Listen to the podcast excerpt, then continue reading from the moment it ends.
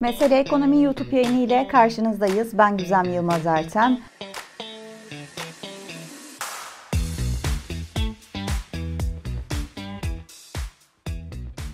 Bu hafta Merkez Bankası'nın kararını geride bıraktık ve aslında biraz yabancı kurumların raporlarını ve bundan sonra patika nasıl olur bunu konuşuyoruz. Bununla beraber herhalde e, önümüzdeki haftadan itibaren piyasalara damgasını vuracak en önemli gelişmeler bilançolar yani kar rakamları olacak. Çünkü 2024 senesi Türkiye'nin faizle sınandığı bir sene olacak. Yani sıkılaşma yönünde adımlar atıldı.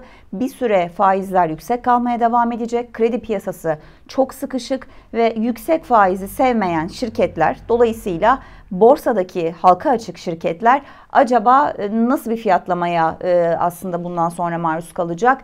Değerlemeler bize ne söylüyor? Geçen senenin dördüncü çeyrekteki finansalları, bilançolar, kar rakamları bu yıl hisse piyasasına yatırım yapacak e, yerli yatırımcı için bir gösterge olacak mı? Tüm bunları konuşacağız. Şimdi isterseniz öncelikle bir genel faiz hatları ve bundan sonra e, Türkiye'de faizler nereye evrilir, e, nasıl olur bununla başlayalım. Goldman Sachs e, son Merkez Bankası'nın kararından sonra e, dedi ki TCMB sıkılaşma döngüsünü sonlandırdı. Zaten metinde de bunu net bir şekilde gördük ve biz e, bu yılın ilk yarısında e, yani hem bu çeyrek hem de önümüzdeki çeyrek için e, Temmuz ayına kadar Merkez Bankası'ndan bir faiz indirimi beklemiyoruz. Yani %45 olan politika faizinin devam etmesini bekliyoruz. 2024'ün ikinci yarısında ise Merkez Bankası faizleri indirmeye başlayacak, başlayacak ve yılı da %25 gibi bir politika faiziyle kapatacağız dediler. Şimdi bu rakam çok iddialı. Yani 45'ten politika faizini %25'e Merkez Bankası'nı düşüreceğini e, öngörüyor Goldman Sachs. E, piyasadaki genel beklentiden çok sapan bir beklenti. Çok da bence çok irrasyonel bir rakam %25 ve diyorlar ki yıl sonu enflasyon beklentimizde %30. Şimdi e, 2024'te beklenti hem beklenti anketi hem Merkez Bankası'nın rakamları e, yaklaşık %36 Hatta piyasada %40'lar gibi bir yıl sonu enflasyon beklentisi var. O yüzden Goldman Sachs'ın e, yıl sonu için öngördüğü %30'luk enflasyon beklentisi piyasadan yine kopuk aynı faizde olduğu gibi.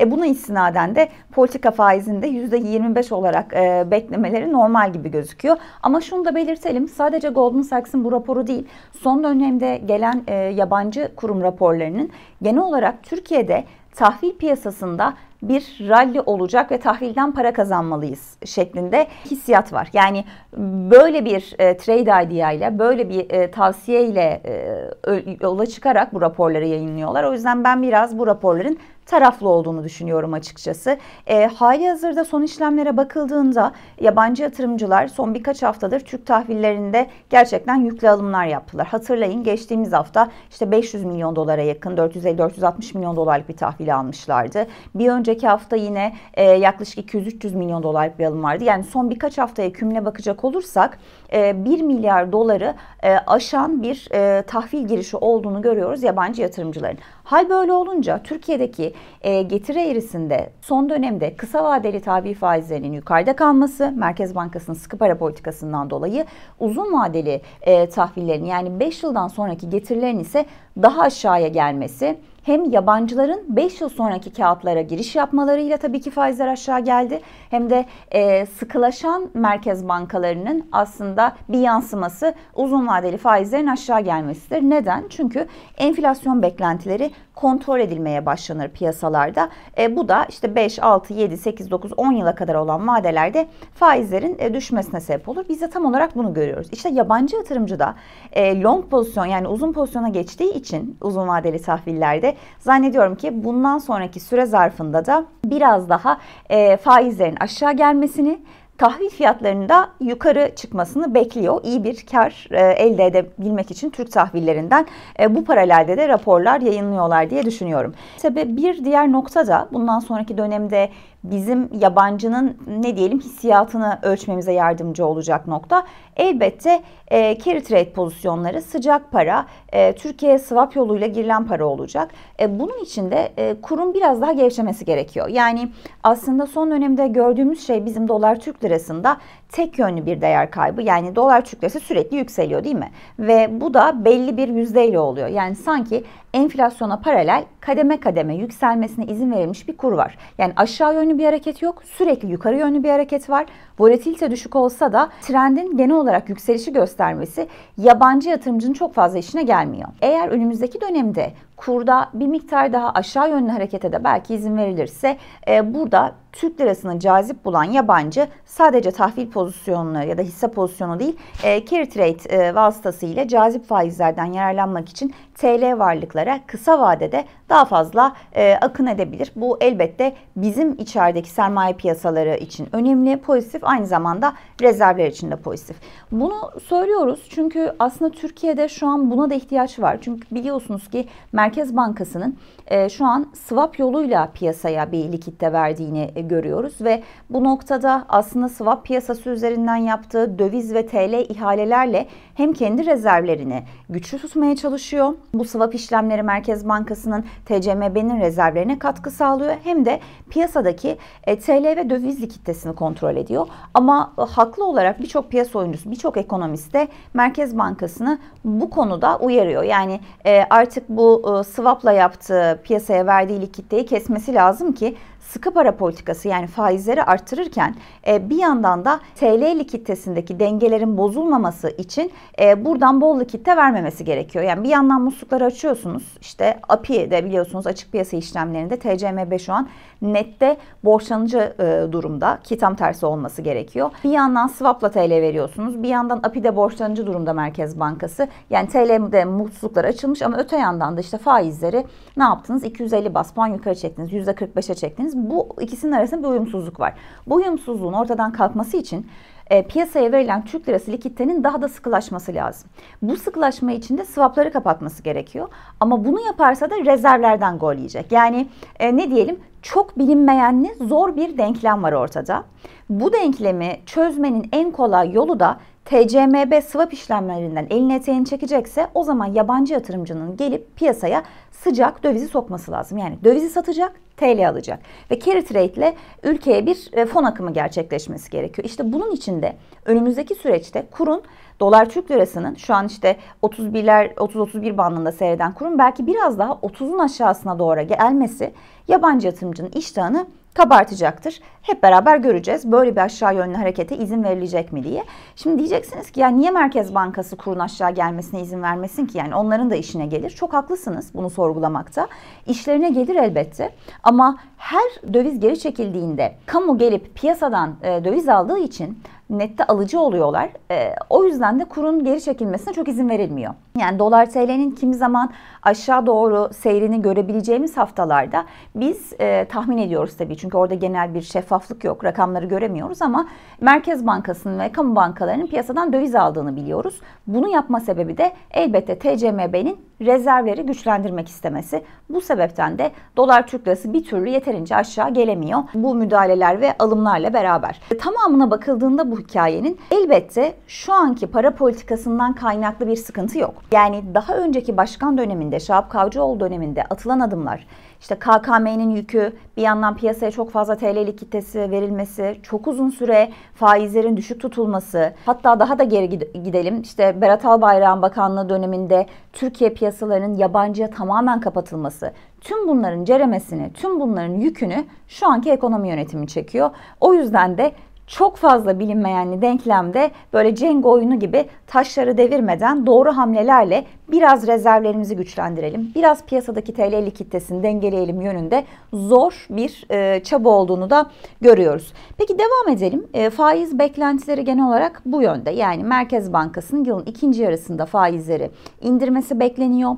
Rezervleri yine güçlendirmeye devam etmesi bekleniyor. Bununla beraber işte swap piyasasından okey vazgeçebilir evet. Fakat e, bir de işin ZK boyutu var. Zorunlu karşılıklar boyutu var. Bu da döviz rezervlerini daha güçlü hale getirmek için bankalara döviz e, ZK'lar, döviz e, yabancı para cinsinden zorunlu karşılıktaki oranları arttırabilir. Böyle bir beklenti var. Eğer bunu yaparsa Merkez Bankası içeride Türk bankaları için aslında oldukça zorlu bir e, ikinci yarı bizi bekliyor. Çünkü hali hazırda önümüzdeki haftadan itibaren dördüncü çeyrek finansalları da karşılayacağız. Hep beraber göreceğiz. Zaten bilançolar biraz yorulmuş. Neden yorulmuş diyorum? Faizlerin artması zaten karlılıklar üzerinde bir baskı yaratıyor. E bununla beraber siz döviz ZK'ları artırırsanız bankaların e, karlarında daha fazla baskı görebiliriz. Dördüncü çeyrek finansalları ile beraber aslında e, bu dönem için yani 2024 yılının geri kalanı için marjlar, kar marjları daha aşağı gelir mi? Buna bakıyor olacağız. Gelin isterseniz hızlıca bir beklentilerin üzerinden geçelim. Öncelikle son çeyrek karlarının toplam kümüle bankacılık tarafında 65-66 milyar TL olması bekleniyor. Son aracı kurumlarının raporuna baktığımızda işte en düşük 65 milyar, en yüksek 68 milyar TL gibi rakamların zikredildiğini görüyoruz. E, bu rakam yani e, bankaların toplam kümüle bu kar rakamı çeyreksel bazda %20'lik düşüşe işaret edecek. Yani biz finansallarda gelen kar rakamlarıyla Türk bankalarının e, bir önceki çeyreğe göre karının %20 gerilediğini göreceğiz. Yıllık bazda bakacak olursak ise yaklaşık %18 karlarında bir artış olduğunu göreceğiz. Şimdi e, yıllık %18 artış aslında güçlü bir artış değil. Çünkü bankalar bu yıl biliyorsunuz enflasyon muhasebesinden muaflar. Aynı sigorta şirketlerinde olduğu gibi yani finansal kesim, banka, sigorta, işte portföy yönetim şirketleri tüm bunlar enflasyon muhasebesinden muaf olacaklar. Bu da onlar için oldukça olumsuz. Çünkü açıkladıkları kar rakamları enflasyona göre düzeltilmediği için vermeleri gereken vergi rakamı da oldukça yüksek. Bu sebepten ötürü de zaten karlılıklar üzerinde bir baskı olacak. Dördüncü çeyrek finansallarına baktığımızda ise beklentilerin çeyreksel bazda daralma, yıllık bazda ise e, artışa işaret ettiğini görüyoruz. Yani biz e, az önce de bahsettiğimiz gibi Merkez Bankası olur da döviz cinsi ZK oranlarını arttırırsa banka karları üzerinde ekstra olumsuzluk yaratır dedik ya. Zaten hali hazırda karlık rakamlarında sıkıntı var. Enflasyon muhasebesinden muaf olan bankacılık sistemi mevcut kar rakamını enflasyona göre düzeltilmiş olarak açıklayamadığı için ödeyeceği vergi de elbette daha fazla olacak. Yani suni bir kar olacak ortada, olmayan bir kar ve bu suni kar üzerinden vergi ödemek durumunda kalacaklar. Üstelik yıllık bazda karlılıklarını sadece kabaca işte %18-20 artırabilmişken. Başka neler var diye detaylara baktığımızda TÜFEX gelirleri tarafında da baskının artması bekleniyor. Yani enflasyon endeksi kağıtlardan elde edecekleri e, kar rakamının geçtiğimiz çeyreklerle kıyaslandığında daha düşmesi bekleniyor.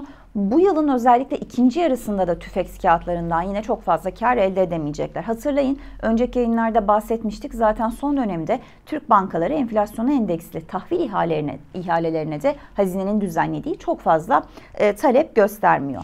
E, bir diğer soru milyon dolarlık soru hepimizin merak ettiği. E, Merkez Bankası'nın son dönemdeki faiz artışları banka bilançolarını nasıl etkileyecek? Şimdi bu faiz artışlarının net bir şekilde fonlama maliyeti ve kar marjları üzerinde oldukça e, baskı unsuru olduğunu ve sadece 2023'ün son çeyreğinde değil bu yılın İlk çeyreğinde de net faiz marjı ve yüksek fonlama maliyetinden dolayı banka karlarının baskılandığını göreceksiniz.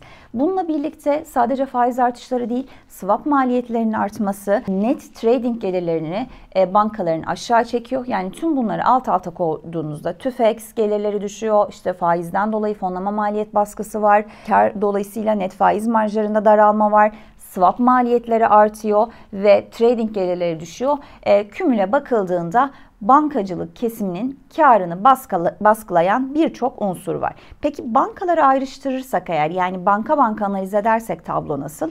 Yine raporlar içerisinde e, benim dikkatimi çeken Garanti Bankası, TSKB ve kamu bankaları içerisinde de Vakıf Bank'ın e, biraz daha karını koruyabileceği ama bunun dışındaki diğer bankalarda karlılıkta zayıflamanın olduğu şeklinde yorumlar var. Fakat elbette bilançoların zayıf beklenmesi, karlılıkta çok artış olmaması banka hisselerini olumsuz etkileyecek demek için yeterli bir tez değil. Çünkü hatırlayın daha önceki dönemlerde de e, Borsa İstanbul'daki hisse fiyatlamasına özellikle bankacılık endeksinin fiyatlamasına bakarsanız açıklanan kar rakamlarından ve bilançolardan bağımsız bir fiyatlama oluyor. Yani değerlemeler o kadar ucuz ki hem Türk bankaları benzer gelişen ülke bankalarına göre çok ucuz hem dolar cinsinden hala çok geride hem de borsanın kendi içinde değerlendirdiğinizde sanayi sanayi bankacılık rasyosuna bakarsanız gerçekten çok cazip bir değerde olduğunu göreceksiniz. Diyebilirsiniz ki burada ya güzel Hanım işte bankacılık endeksi ucuz diyorsunuz ama e, bir yandan da aslında piyasada düşük kar rakamları e, bankalara yeni bir hikaye yaratmayabilir ya da yüksek faizler bankalara yeni bir hikaye yaratmayabilir. İşte burada da belirleyici olan yabancıların iştahı olacak. Oradaki son rakamlarda bize tablonun aslında pozitif olduğunu gösteriyor. Örneğin geçen hafta e, hisse piyasasına yaklaşık e, 146 milyon dolarlık bir giriş olduğunu gördük biz. Önceki haftalarda da benzer girişler vardı ve yabancının Türk hisselerine giriş yaptıklarında yani teveccüh gösterdiklerinde ilk önce ilk tercihlerinin bankacılık endeksi olduğunu görüyoruz. Bu sebepten ötürü zayıf bilançolara rağmen 2024'ün ana teması Borsa İstanbul'da hangi hisseler, hangi sektörler olumlu ayrışabilir diye baktığımızda zayıf karlılığa rağmen bankalar hala e, öne çıkıyor. E, bunu da aktarmış olalım. Bununla beraber bankalar dışında e, diğer sektörlerdeki e, beklentilerde ise özellikle havacılık, demir çelik içerisinde Ereğli ve Enka İnşaat gibi şirketler fonksiyonel para birimi Türk lirası olmadığı için yine enflasyon muhasebesinden muaf olacaklar. Onu hatırlatalım. Ve genel olarak bilanço yani enflasyon muhasebesinden muaf olmalarına rağmen bilançolarda olumlu tablo olur mu diye soracak olursanız da havacılık sektöründe görece güçlü kaldığını paylaşabiliriz. Bu hafta öne çıkardığımız başlıklar böyleydi. Önümüzdeki hafta kar rakamları geldikçe belki biraz daha bilançoları ve hisseleri konuşmaya devam ederiz. Bizi izlediğiniz için çok teşekkürler.